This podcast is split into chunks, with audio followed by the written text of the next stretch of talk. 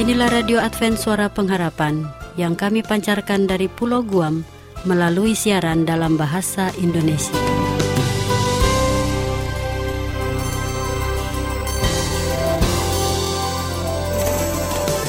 Salam sejahtera kami ucapkan kepada pendengar setia kami di mana pun Anda berada. Selamat berjumpa lagi dengan kami, Radio Advent Suara Pengharapan.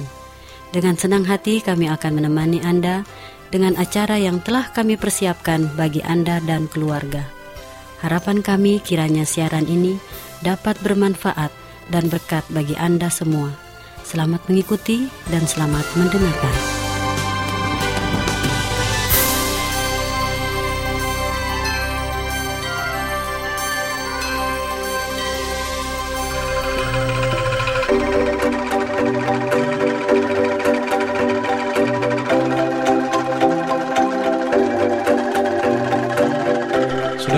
Pendengar yang dikasihi Yesus Kristus di mana pun Anda berada Kembali lagi dengan kami Radio Advent Suara Pengharapan.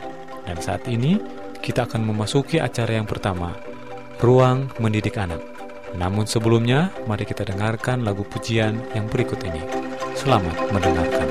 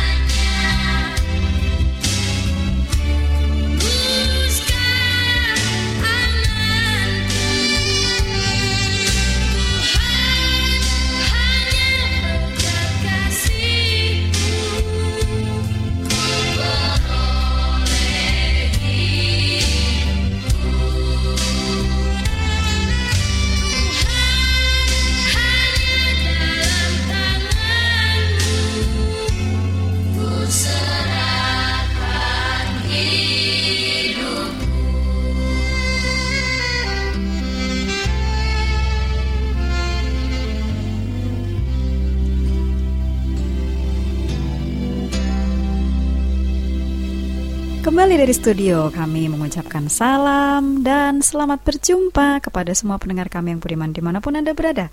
Kita puji Tuhan untuk waktu di mana kita boleh bertemu kembali lewat udara. Dan saya yang bertugas Ayura akan dengan senang hati bersama dengan pendengar sekalian, khususnya untuk Bapak dan Ibu ya. Karena saat ini kita ada di dalam ruang mendidik anak. Ya, jadi ini ada informasi-informasi yang sudah kami siapkan dari studio untuk bisa kita ikuti bersama. Karena memang mendidik anak ini bukan sesuatu yang mudah ya, tapi juga bukan sesuatu yang sangat sulit. Selama kita menyerahkan kepada Allah, maka semuanya akan diberikan tuntunan. Nah, baik. Kali ini yang akan kami sampaikan atau kami bagikan kepada Bapak dan Ibu sekalian juga para pendengar yang bersama dengan kami saat ini adalah beberapa tips bagaimana untuk membangun kepribadian anak-anak sejak dini ya, sejak usia sangat muda. Kadang-kadang ada pendapat bahwa nantilah kalau dia sudah mengerti, nantilah kalau dia sudah cukup besar baru uh, dicermati atau diajarkan kepribadian. Nah, itu adalah pandangan-pandangan yang kurang tepat. Karena para ahli sudah sering menyampaikan baik melalui tulisan, baik melalui seminar ya dan juga kami e, bantu untuk menyampaikan kepada orang-orang lain lewat udara seperti ini mengatakan bahwa kepribadian anak itu memang perlu dibangun dan dibentuk sejak usia sangat muda atau sejak dini ya. Mungkin para pendengar sangat ini ya, sangat kenal tidak asing lagi dengan ungkapan buah jatuh tidak jauh dari pohonnya.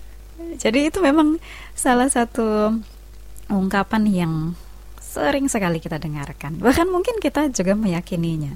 Karena ini memang sangat pas menggambarkan kemiripan antara orang tua dan anak-anaknya. Sehingga setiap perbuatan, sikap, dan tutur kata anak uh, itu seperti mencerminkan ya bagaimana cara orang tua mengasuh dan mendidik sang buah hati ini. Karena ibaratnya kertas putih yang masih kosong, anak-anak ini juga membutuhkan bimbingan dan pengarahan dari orang tuanya apa saja yang mereka perlukan supaya mereka uh, bisa membedakan. Bukan saja membedakan ya mungkin yang pertama mengetahui lebih dahulu mana hal yang baik mana hal yang buruk. Kemudian apa sih yang boleh dilakukan dan mana yang tidak boleh dilakukan? Karena itu akan menjadi bekal bagi mereka di dalam kehidupan mereka berikutnya. Pada saat usianya sudah bertambah dan kemudian mungkin nanti akan terjun langsung di masyarakat keluar dari rumah dan sebagainya. Oleh sebab itu memang orang tua sebagai figur yang menjadi contoh bagi anak-anak itu pegang peranan penting, sangat memiliki um, porsi yang besar ya. Orang tua ini sangat memiliki kontribusi yang besar dalam hal tumbuh kembang anak-anaknya. Kasih sayangnya, cara orang tua membangun kepercayaan diri anak, bagaimana cara bersikap, bagaimana melakukan tutur kata yang baik ya. Jadi itu semua adalah peran orang tua kepada anak. Nah, baik. Untuk kesempatan kali ini kita akan sampaikan dua tips kepada para pendengar sekalian, Bapak dan Ibu. Nanti pada pertemuan berikutnya kita akan tambahkan lagi tipsnya ya. Jadi tolong diingat-ingat nih tips apa yang bisa kita lakukan untuk menolong membangun kepribadian anak kita sejak usia dini. Nah, tips yang pertama adalah membina hubungan baik dengan anak kita atau dengan si kecil ya. Apa yang dimaksudkan di sini? Menjalin hubungan dengan buah hati merupakan dasar atau fondasi awal bagi anak kita untuk membina hubungan sosial dengan orang lain. Ya, jadi betul-betul ini adalah dasar atau model dia nanti untuk membina hubungan dengan orang lain. Sehingga bagaimana nih peran kita sebagai orang tua? Dianjurkan di sini orang tua memposisikan diri sebagai bukan saja sebagai orang tua, tetapi sekaligus juga sebagai teman si anak. Jadi dengan begitu, orang tua akan lebih dalam mengenal kepribadian si anak ini dengan segala tingkah lakunya, perkataannya, perasaannya. Nah, setelah orang tua mendapatkan hal-hal tersebut, sudah terjalin hubungan baik, di situlah sementara melakukan pengenalan, di situlah juga segera membentuk atau membina kepribadiannya dari kecil ya. Jadi ini rupanya peran penting orang tua bukan hanya sebagai orang tua, tapi kita juga akan memerankan uh, sebagai teman dari anak kita. Karena saya tegaskan sekali lagi bahwa hubungan baik dengan anak kita akan menjadi dasar atau modal bagi anak kita ini nanti untuk membina hubungan sosial dengan orang lain ya. Baik, itu tips yang pertama. Sekarang bagaimana dengan tips yang kedua? Tips yang kedua adalah menghargai pendapat anak. Wah, yang bagaimana ini ya menghargai pendapat anak? Jadi, mendengarkan setiap pendapat anak merupakan wujud apresiasi atau wujud penghargaan kita sebagai orang tua terhadap keberanian anak-anak dalam mengungkapkan hal-hal yang ada dalam pikiran anak ini ya, dalam benaknya atau buah pikirannya. Jadi anak-anak itu memang perlu kita latih untuk menyampaikan apa yang dia pikirkan. Nah, cara kita untuk menghargai hal tersebut kalau dia sudah bisa melakukan cara kita yang terbaik adalah mendengarkannya ya. Jadi penjelasan berikut dari para ahli, hal ini penting karena setiap anak punya hak untuk mengeluarkan pendapatnya dan pasti mereka punya alasan apakah e, pendapatnya itu menolak atau setuju, itu ada alasannya mengapa dia e, melakukan hal itu. Oleh sebab itu penting bagi orang tua untuk mendengarkan anak-anak ini. Dengan demikian, ketika anak-anak sudah beranjak dewasa, lalu mulai terjun ke dalam pergaulan di masyarakat, mereka akan lebih menghargai setiap pendapat orang lain dan tidak memaksakan ego mereka sendiri. Ya, jadi ibu bapak, betapa uh, teladan kita, cara kita membimbing anak-anak dari sejak dini akan sangat mempengaruhi anak-anak bertindak pada saat mereka menjadi orang dewasa. Nah, baiklah, setelah ini, kita akan lanjutkan dengan pertemuan berikutnya karena masih ada tiga tips lagi yang akan kami sampaikan untuk Anda semuanya. Terima kasih untuk perhatian Anda dan waktu Anda bersama dengan kami. Sampai berjumpa lagi pada kesempatan berikutnya. Tuhan memberkati kita semua.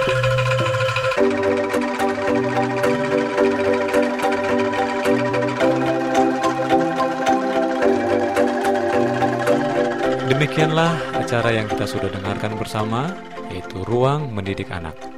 Semoga itu bisa bermanfaat bagi kita semua, bagi keluarga, bagi orang tua, dan terlebih lagi bagi anak-anak kita. Kita bertemu di acara yang sama. Sampai jumpa. Tuhan memberkati.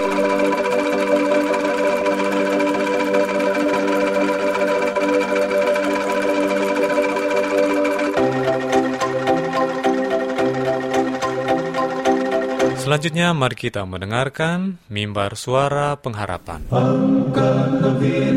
Dan bunyikanlah Yesus mau datang segera Nyanyi musafir dan pujikanlah Yesus mau datang segera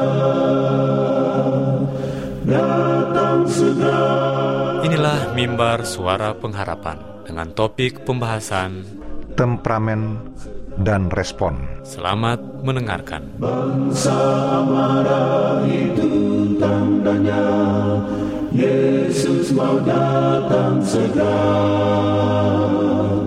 Pengetahuan bertambah-tambah.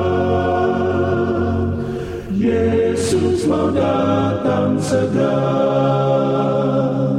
Datang segera Datang segera.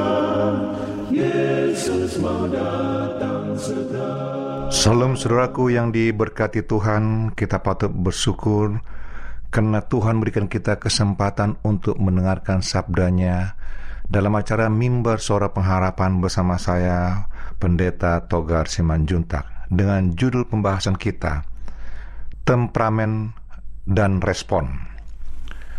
Temperamen dan respon. Nah, saudara, temperamen itu merupakan satu sikap yang ditunjukkan dalam merespon sesuatu hal. Ada orang temperamennya meledak-ledak.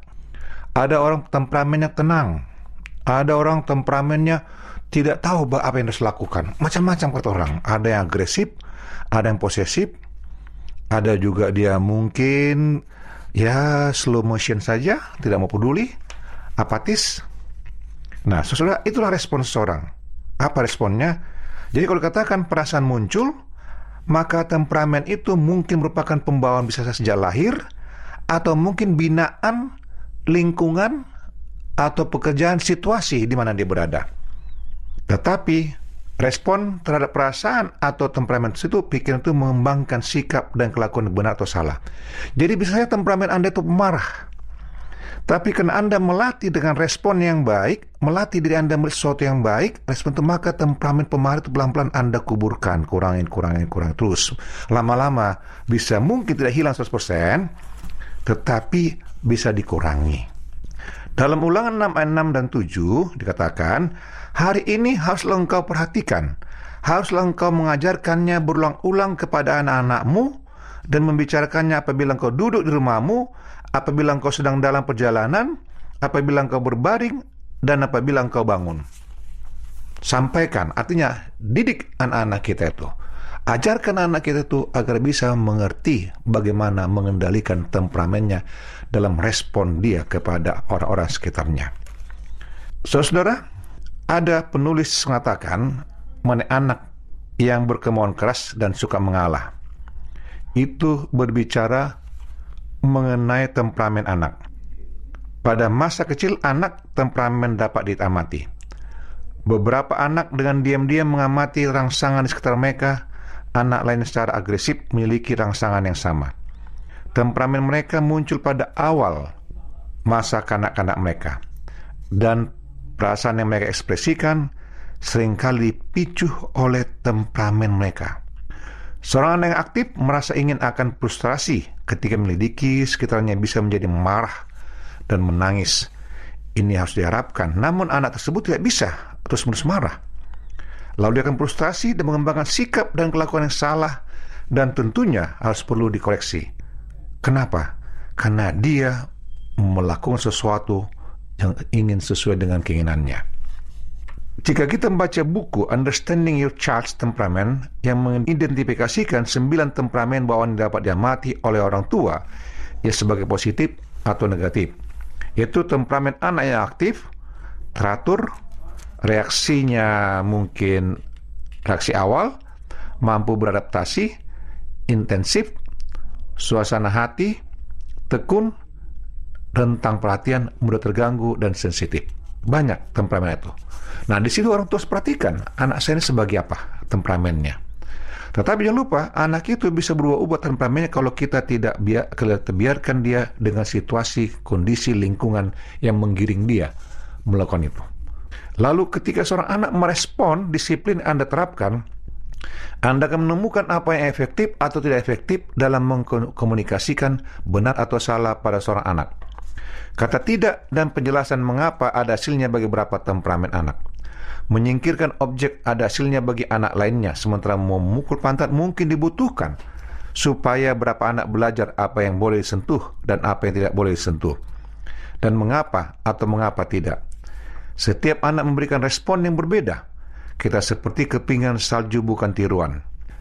Suatu sikap atau kelakuan negatif yang muncul membutuhkan koreksi sejak dini atau seorang anak akan beranggapan bahwa sikap atau kelakuan itu benar. Orang tua senantiasa mengamati, mengajar, mengkoreksi, dan berinteraksi dengan anak. Mengetahui dan memutuskan apa yang benar dan salah harus diajarkan oleh orang tua yang saleh, yang mau anak-anaknya hidup dalam kebenaran, mengenal akan kasih Yesus. Kalau tidak, maka anak itu akan belajar dari dunia yang berkembang dengan pesat di sekitarnya, yang pendidikannya tentunya tidaklah mengarahkan anak itu menuju kepada kasih Yesus, tetapi mengarahkan anak itu kepada pola egoistik yang tinggi dan mengarahkan anak itu akan melakukan apa saja sesuai dengan keinginannya. Lalu, saudaraku, pengetahuan yang diperoleh pengalaman semacam ini dapat menimbulkan konsekuensi yang menghancurkan bila orang tua gagal untuk melatih dan mengajar anak mereka untuk membedakan apa yang benar dan apa yang salah dalam temperamen kehidupan mereka. Nah, saudara, saya ada kenal satu keluarga. Mereka punya anak tiga. Anak tiga orang ini saudaraku mempunyai karakter atau temperamen yang berbeda-beda. Tetapi yang saya lihat sangat mengerikan adalah anak mereka yang bungsu. Saya tidak tahu alasannya apa, tapi anak ini begitu pemarah dan semua kemauannya yang harus jadi. Bahkan abangnya, kakaknya dilawan sama dia yang berani. Orang tua sering kadang-kadang kelabakan menghadapi dia. Suatu ketika, saya berbicara kepada orang tuanya. Saya bilang, apakah engkau mau anak si bungsu ini menjadi orang yang baik menurut pada Tuhan dan tidak menyusahkan masa yang tua? Oh tentu pendeta saya mau. Maukah kau mencoba melatih dia? Jangan mengikuti kemauannya dia, tapi arahkan dia untuk bagaimana untuk mendengar orang tua dan mengikuti akan abang kakaknya dan selalu doakan dia, doakan dia, ajak dia berdoa. Walaupun mungkin membutuhkan waktu yang agak panjang, kesabaran yang tinggi dalam ajak dia berkomunikasi, berbakti. Dan jangan biarkan dia untuk melakukan kehendak sendiri, melempar, mau pukul sana sini. Perlu juga katakan rotan atau memukul dia sedikit. Lakukan mungkin dengan lidih kah? Atau dengan tali pinggang kah? Berikan dia rasa efek jerah.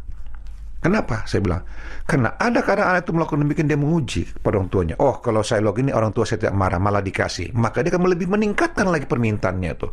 Tapi kalau dia minta dengan gaya yang salah gitu, kita tidak kasih, malah kita marahi, dia akan apa merubah. Kita arahkan dia permintaan yang dengan cara yang manis, yang baik, maka dia akan berubah ke sana. Jadi jangan pernah ikuti kemauannya. Walaupun itu membutuhkan kesabaran yang tinggi dan juga waktu yang lama mungkin kamu berkomunikasi dengan dia. Tapi jangan pernah ikuti. Kalau kemauan itu salah. Apalagi kalau sampai bersifat merusak. Dan sudah kepuji Tuhan. Sebulan kemudian anak itu ada perubahan terjadi. Dia mulai agak lebih tenang dan mau ikuti. Kenapa? Dibawa dengan doa penyerang pada Yesus dan disiplin yang ketat. Nah, sesudah yang berkati Tuhan, jika engkau mendidik anakmu, perhatikanlah, didik dia terus-menerus. Jangan pernah kosong waktumu bersama dia. Percaya, Alkitab katakan demikian. Nah, jika Anda mau didoakan ataupun ada hal-hal mau sampaikan, hubungi kami tim pelayanan mimbar suara pengharapan. Dengan penuh sukacita kami akan melayan Anda. Salam saudaraku, Tuhan berkati. Amin.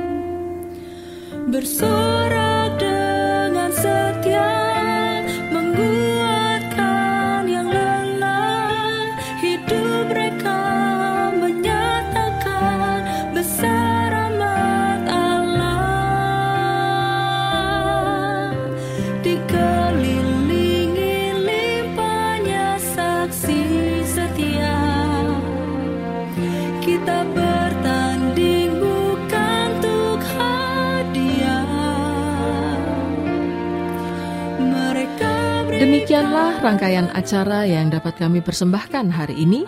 Dan apabila Anda mempunyai pertanyaan atau ingin mendapat pelajaran Alkitab penemuan baru, Anda dapat mengirim surat ke alamat Radio Advent Suara Pengharapan, PO Box 8090 Jakarta 12810 Indonesia. Anda juga dapat menghubungi kami melalui telepon atau SMS di nomor 0821 1061 1595 atau Anda dapat menulis di email kami awrindonesia at yahoo.co.id Anda juga dapat bergabung di Facebook kami pendengar radio Advent Suara Pengharapan atau di radio Advent Suara Pengharapan. Terima kasih kami ucapkan bagi Anda semua pendengar kami yang setia. Kita akan berjumpa kembali pada waktu dan gelombang yang sama esok hari. Salam kasih dan sejahtera Kiranya Tuhan memberkati kita semua. Harapan dan mimpi datang dan pergi Apa yang